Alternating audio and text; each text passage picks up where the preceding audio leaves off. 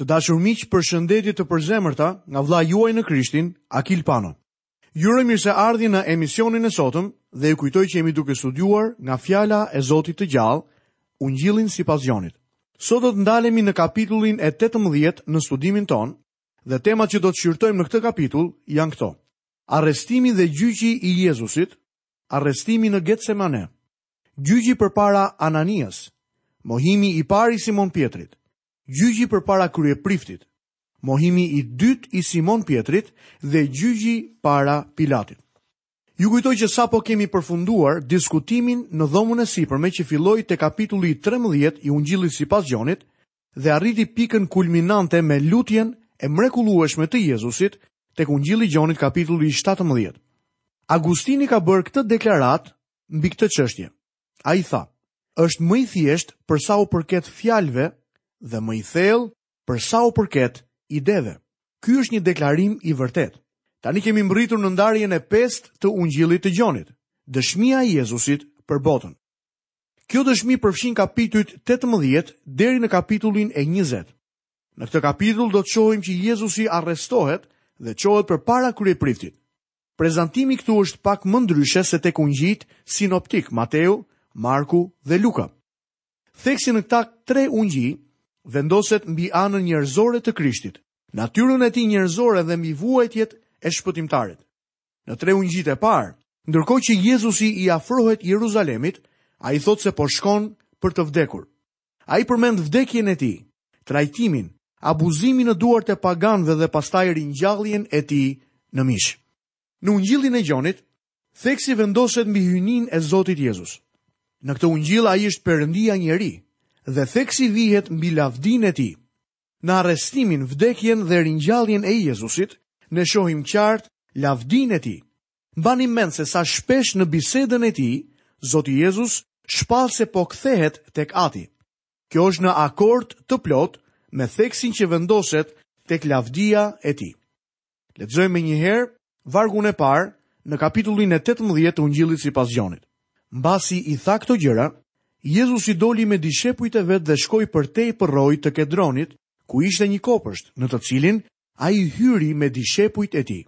Në këto pasazhe do të gjejmë një përzierje të madhështisë dhe njëkohësisht butësisë së tij. Jezusi duket se e ka kaluar natën nën qiellin e hapur.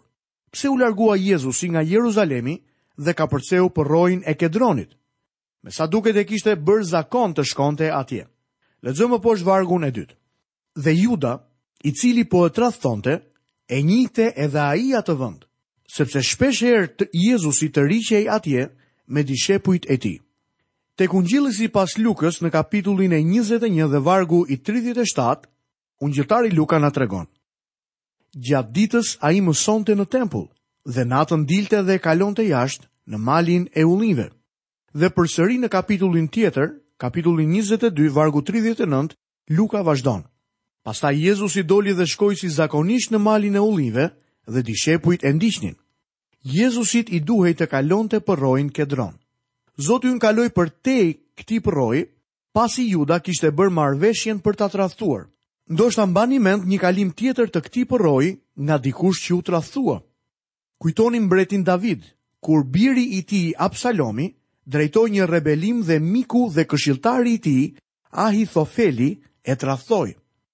Me aq sa dim Jezusi nuk kaloi asnjë natë në qytetin e Jeruzalemit, në qytetin me mure. Javën e fundit të jetës së tij, shkoi në Betani dhe qëndroi atje me miqtë e tij. Madje edhe në natën e fundit, Jezusi u largua nga qyteti me mure, pra Jeruzalemi, për të shkuar në një vend që quhej Kopshti i Getsemanesë. Ai po shkon në këtë vend të qetë për t'u dhënë armiqve të tij një mundësi për ta kapur. Ata donin ta kapnin, por kishin frikë nga njerëzit që e rrethonin Jezusin. Nuk do të guxonin ta kapnin në tempull apo në rrugët e Jeruzalemit, apo ndërkohë kur Jezusi ishte duke kryer shenjat, çudirat dhe mrekullitë. Vini re se Gjoni nuk e përfshin në ungjillin e tij agoninë në kopësht. Ai nuk e përfshin lutjen dhe vuajtjen e madhe të Jezusit, ndërsa lutej në kopshtin e Getsemanesë djersa pikon gjak. Por Gjoni flet më tepër për lavdinë, anën hyjnore të Jezusit. E vendos theksin në hyjninë e Krishtit ndërkohë që ungjijtë e tjerë theksojnë anën njerëzore të tij. Do të vini re që Jezusi nuk do t'i bëjë rezistencë arrestimit. Ai është qengji i Perëndisë që nuk e kundërshton arrestimin. Profeti Isaia, rreth 700 vite më parë, shkruan në kapitullin e 53 dhe vargun e 7. Si një qengj që e çojnë në thertore, si një dele e heshtur, përpara atyre që i qethin nuk e hapi gojën. Hyjnia e personit të Krishtit në këtë kohë është absolutisht tronditëse. Mbani mend se në ngjarjen e mëparshme, kur armiqtë e Zotit Jezus u përpoqën ta kapnin, ai u fsheh. Me sa duket, Jezusi zhdukej në mënyrë të mrekullueshme, ndërsa tani ai e la veten e tij të lirë për t'u kapur, sepse, ashtu sikurse edhe në kapitullin e dytë të Ungjillit të Gjonit, Jezusi foli për kohën kur nëna e tij Maria i kërkoi Jezusit që ai të bëjë një mrekulli, të shndërrojë ujë në verë, Jezusi i tha, "Ç'ke me mua o grua? Koha ime, ora ime, akoma nuk ka ardhur, por me sa duket, Jezusi ishte Perëndia që ka vendosur kohërat, limitet, caqet. Jezusi ka përcaktuar orët dhe ai kishte përcaktuar orën e kryqëzimit të tij përpara krijimit të botës. Lexojmë më poshtë në vargun e tretë. Atëherë Juda mori një grup ushtarësh dhe rojat e dërguara nga krerët e priftërinjve dhe nga farisenjtë. Erdhi atje me fenerë, pishtarë dhe me armë. Ungjilltari Luka na tregon se çfarë tha Jezusi. Keni dalë kundër meje me shpata dhe me shkopi si kundër një kusari? Thuhet që erdhi një grup ushtarësh ose në origjinal një bandë ushtarësh. Një bandë është një e dhjeta e një legjioni dhe përfshinte mesatarisht pesëqind vetë. Mateu thotë se një turmë e madhe erdhi me Judën. Pse erdhën një numër kaq i madh dhe ishin të pajisur me shpata dhe me shkopi? Turma e dinte që Krishti kishte kryer mrekulli. dhe menduan se nëse do të sillnin shumë njerëz të armatosur, mund t'i bënin ballë fuqisë së tij mrekullibërëse, mund ta kapnin. Tani vini re dinjitetin e Zotit tonë. Lexojmë në vargun e 4. Atëherë Jezusi duke ditur gjithçka që do t'i ndodhte, doli dhe i pyeti: "Kë kërkoni?" "Miku im, Mos mendon vallë se ky është një njeri i dobët dhe i mjerë që u zu në kurth nga disa krerë fetarë të zgjuar dhe nga fuqia e Romës.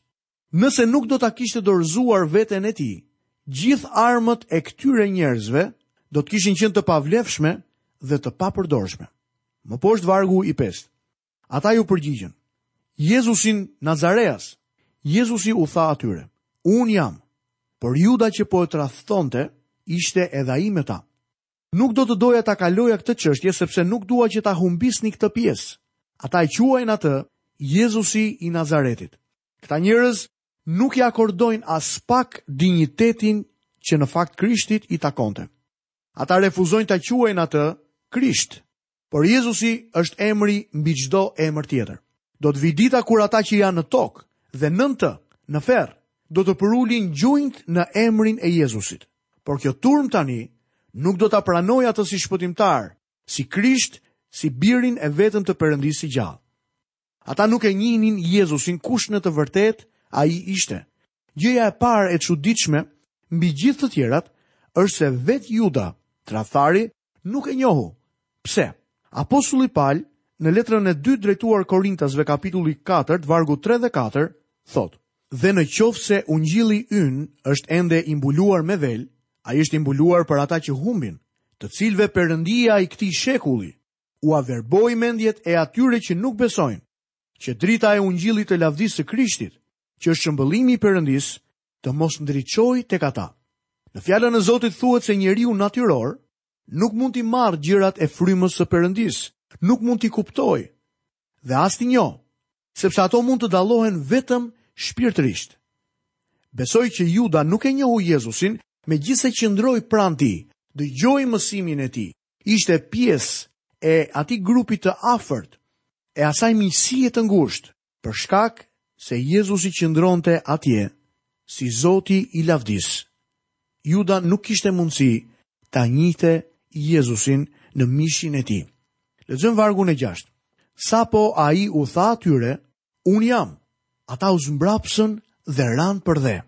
Në kapitullin e parë të Ungjillit sipas Gjonit, vargu i katërmbëdhjetë, Gjoni apostull na thotë, Dhe fjala u bë mish dhe banoi ndër ne, dhe ne soditëm lavdinë e tij si lavdinë e të vetëmlindurit prej Atit, plot hir e të vërtetë. Në këtë orë të errët, në orën më të errët, kur Jezusi po e dorëzonte veten si qengji i Perëndisë që largon mëkatin e botës, shohim të zbuluar hyjninë e tij dhe ata bien përdhe. Kjo gjë u zbulon të gjithë grupit prej rreth 500 njerëzish që erdhën për ta arrestuar Jezusin, se nuk kishin fuqi njerëzore për ta arrestuar, për ta kapur, për të vendosur duart e tyre mbi Krishtin, nëse Jezusi nuk do t'u lejonte atyre. Ata nuk ranë përdhe për ta adhuruar, ranë në tokë nga frika dhe nga tmerri. ranë në tokë nga pesha e fuqisë së emrit të Zotit. Jezusi tha, unë jam. Kujtoni pak shfaqjen e mrekullueshme që Perëndia bëri në takimin e parë me Moisiun. Nga shkurrja e ndezur, nga shkurrja me atë zjarr që konsumohej, Moisiu dëgjoi zërin e Perëndisë. Dhe ai dëgjoi Perëndinë që të flasë dhe të thotë, "Emri im është Unë jam." Jezusi po flet dhe po u thotë këtyre njerëzve të njëjtin emër. Ata nuk po shihnin thjesht vetëm Jezusin nga Nazareti, por Perëndinë që kishte marrë një trup njerëzor, Zotin e lavdisë. Kjo përmbush gjithashtu dhe profecinë në Psalmin 27 vargun e parë dhe të dytë. Zoti është drita ime dhe shpëtimi im. Nga kush do të kem frikë? Zoti është kështjella e jetës sime. Nga kush do të kem frikë? Kur njerëzit e këqinj, armiqtë dhe kundërshtarët e mi më sulmuan për të ngrënë mishin tim, ata vetë u lëkundën dhe ranë. Kjo ishte ana e Perëndisë. Ndërsa në psalmin 35 dhe vargun 4, shohim anën tjetër atë të njeriut. Mbetshin të shushatur dhe të turpëruar ata që kërkojnë jetën time. Kthefshin kurrizin dhe mbetshin të shushatur ata që kurdisin të keqen kundër meje. Dëgjoni dhe Psalmin dyzet, vargun e katërmbëdhjetë. U turpërofshin dhe u pështjellofshin ata që duan të shkatërrojnë jetën time. Rëndshin poshtë, të mbuluar nga turpi, ata që gëzohen me fatkeqësitë e mia. Çfarë përmbushjeje kur Zoti ynë vetëm për një moment u zbulon atyre lavdinë e Tij. Ata janë duke kërkuar Jezusin nga Nazareti. Në rregull, Ai është aty si Zoti i lavdisë. Miku im, po ti, për kë je duke parë? Kë je duke kërkuar? A e di se kush Jezusi është? Njeriu i pashpëtuar, nuk e njeh Zotin. Njerëzit ndoshta mund ta kenë lexuar Biblën, dhe të jenë shumë fetarë, ndoshta dhe të moralshëm, dhe megjithatë, nuk e shohin që Jezusi i Nazaretit është Krishti, Biri i Perëndisë së gjallë. Lexojmë vargjet 7 deri në vargun e 9. Atëherë Jezusi i pyeti përsëri: "Kë kërkoni?" Ata thanë: "Jezusi Nazareas." Jezusi u përgjigj, ju kam thënë se unë jam, prandaj nëse më kërkoni mua, i lini këta të shkojnë, që të përmbushej fjala që ai kishte thënë, nuk kam humbur asnjë nga ata që më ke dhënë. Vini re hyjninë e tij. Jezusi ka në kontroll gjithçka. Ai madje u thotë se kë duhet të arrestojnë dhe kë jo. Kjo ishte profecia që bariu duhej të kapej dhe delet do të shpërndaheshin. Dhe Jezusi tha që ai nuk kishte humbur asnjë nga delet e tij. Dishepujt nuk do të kapeshin. A nuk është interesante që nuk u kapën vërtet? Dikush mund të mendojë që ata mund të ishin kapur si dëshmitarë apo si bashkëfajtorë, por në fakt nuk ndodhi kështu. Lexojmë vargun e dhjetë. Atëherë Simon Pjetri që kishte një shpatë, e nxori i ra shërbëtorit të kryepriftit dhe ia preu veshin e djathtë dhe ai shërbëtor quhej Malk. Përse nuk e arrestuan Simon Pjetrin për këtë që bëri? Lexojmë vargun e 11. Por Jezusi i tha Pjetrit: Fute shpatën tënde në mill, a nuk do ta pi unë kupën që më ka dhënë Ati? Luka na tregon që Jezusi preku veshin e atij njeriu dhe e shëroi. Por përse nuk e arrestojnë Pjetrin? Sepse Jezusi tha, i lini këta të shkojnë. Ai është duke komanduar. Simon Pjetri, peshkatari i varfër dhe i paditur. Ai ndoshta ishte në të vërtetë i zgjuar në thellësinë e shpirtit të tij. Pjetri i kërkoi Zotit se pse nuk mund të shkonte së bashku me të. I tha se do të jepte jetën e tij për Zotin dhe kishte me të vërtetë. Por Zoti i tha që nuk e njihte veten dhe se do ta mohonte Zotin e tij pikërisht në atë mbrëmje. Është kaq e thjesht që ne të krishterët t'i dedikojmë dhe ridedikojmë jetët tona Zotit. Simon Pjetri do të kishte dalë përpara në çdo ftesë që bëhet nëpër kisha për të pranuar Krishtin dhe do ta kishte pasur seriozisht. Problemi është që ne nuk mund ta prodhojmë këtë me forcën tonë. Kjo ishte edhe përvoja e Palit. Ai tha që urdhri ishte me të, ligji, por ai nuk dinte si ta zbatonte.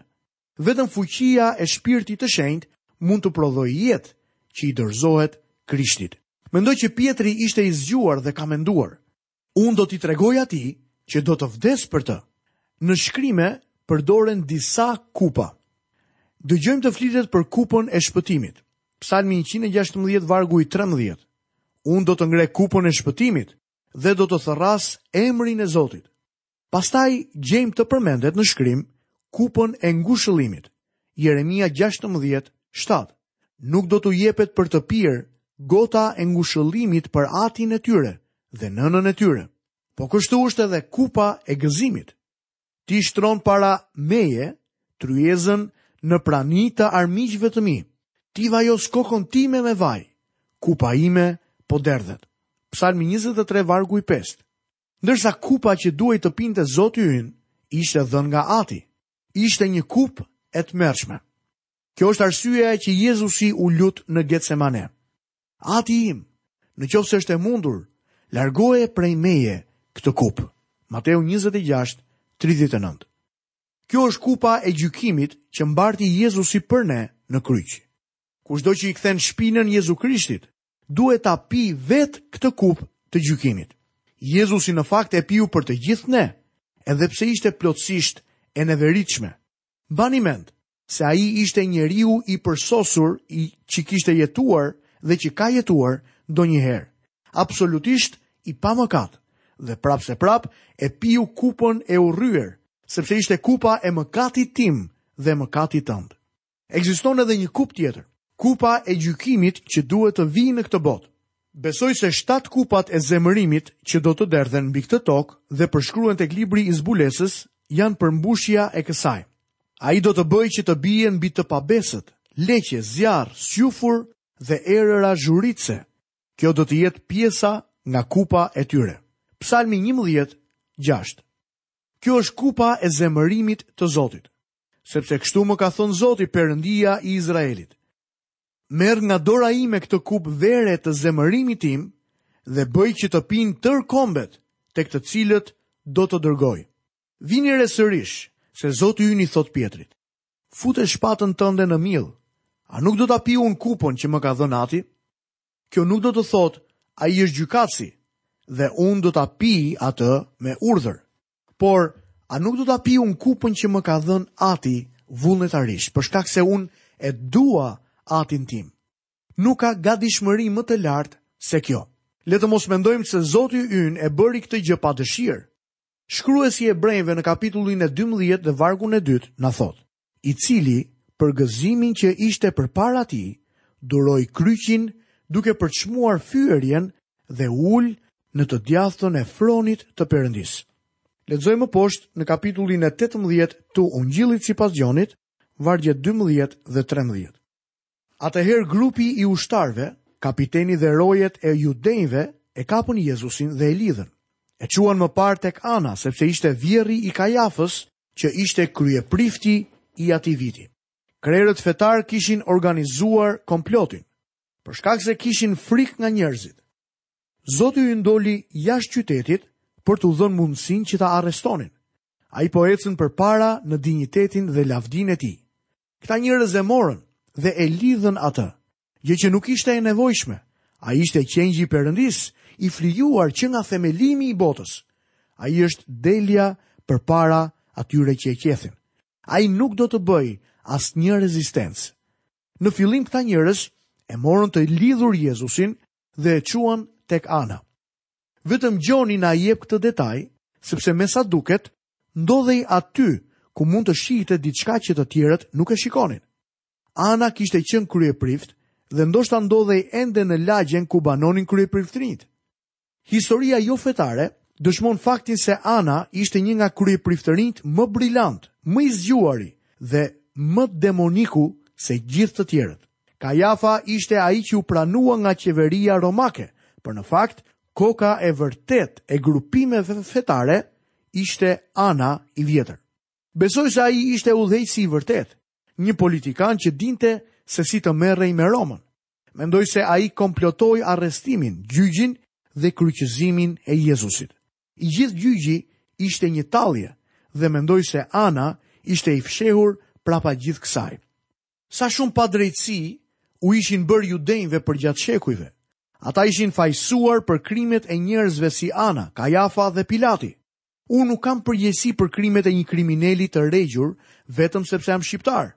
Por, mendoni pak, romanizimi, ndikimi i madh që perandoria romake pati për shekuj të tërë, i ka quajtur judenjtë vrasës të Krishtit. gjë që ka qenë baza për antisemitizmin në Europë. Tani ata nuk janë më shumë përgjegjës sesa paganët. Në analizën finale, të gjithë ne jemi përgjegjës për vdekjen e Krishtit. Ai vdiq për mëkatet tona, për mëkatin e gjithë botës. Nuk duhet të ketë vendosje gishti mbi ndonjë racë apo grup të caktuar njerëzish. Lexojmë në vargun e 14. Kajafa ishte ai që i kishte këshilluar judenjtë se ishte e leverdishme që një njeri të vdiste për popullin. Besoj se Gjoni Apostull e vendosi këtë për të na treguar që ishte përcaktuar që më parë që Zoti Jezus të vdiste. Ata tashmë e kishin vendosur këtë gjë. Ana Plak dinte mjaft mirë se si mund të krijonte një akuzë ndaj Jezusit për të marrë dënimin me vdekje nga autoritetet romake. I gjithë gjyqi nuk ishte gjë tjetër veçse një tallje. Të dashur miq, këtu kemi mbërritur në fundin e emisionit të sotëm. Falenderoj Perëndinë që keni qëndruar së bashku me mua përgjatë minutave të studimit tonë në fjalën e Perëndisë. Ju kujtoj që studimin tonë mbi kapitullin e tetëmbëdhjetë të Ungjillit sipas Gjonit dhe pjesën tjetër se çfarë do të ndodhë pas arrestimit të Jezusit dhe prezantimin e tij përpara Anës, do të vazhdojmë ta studiojmë në emisionin e ardhshëm. Deri atëherë, nga vëllai juaj në Krishtin Akil Pano, paçi të gjitha bekimet e Perëndisë dhe paqen e tij mbi jetën tuaj. Bashkë mirë u dëgjofshim.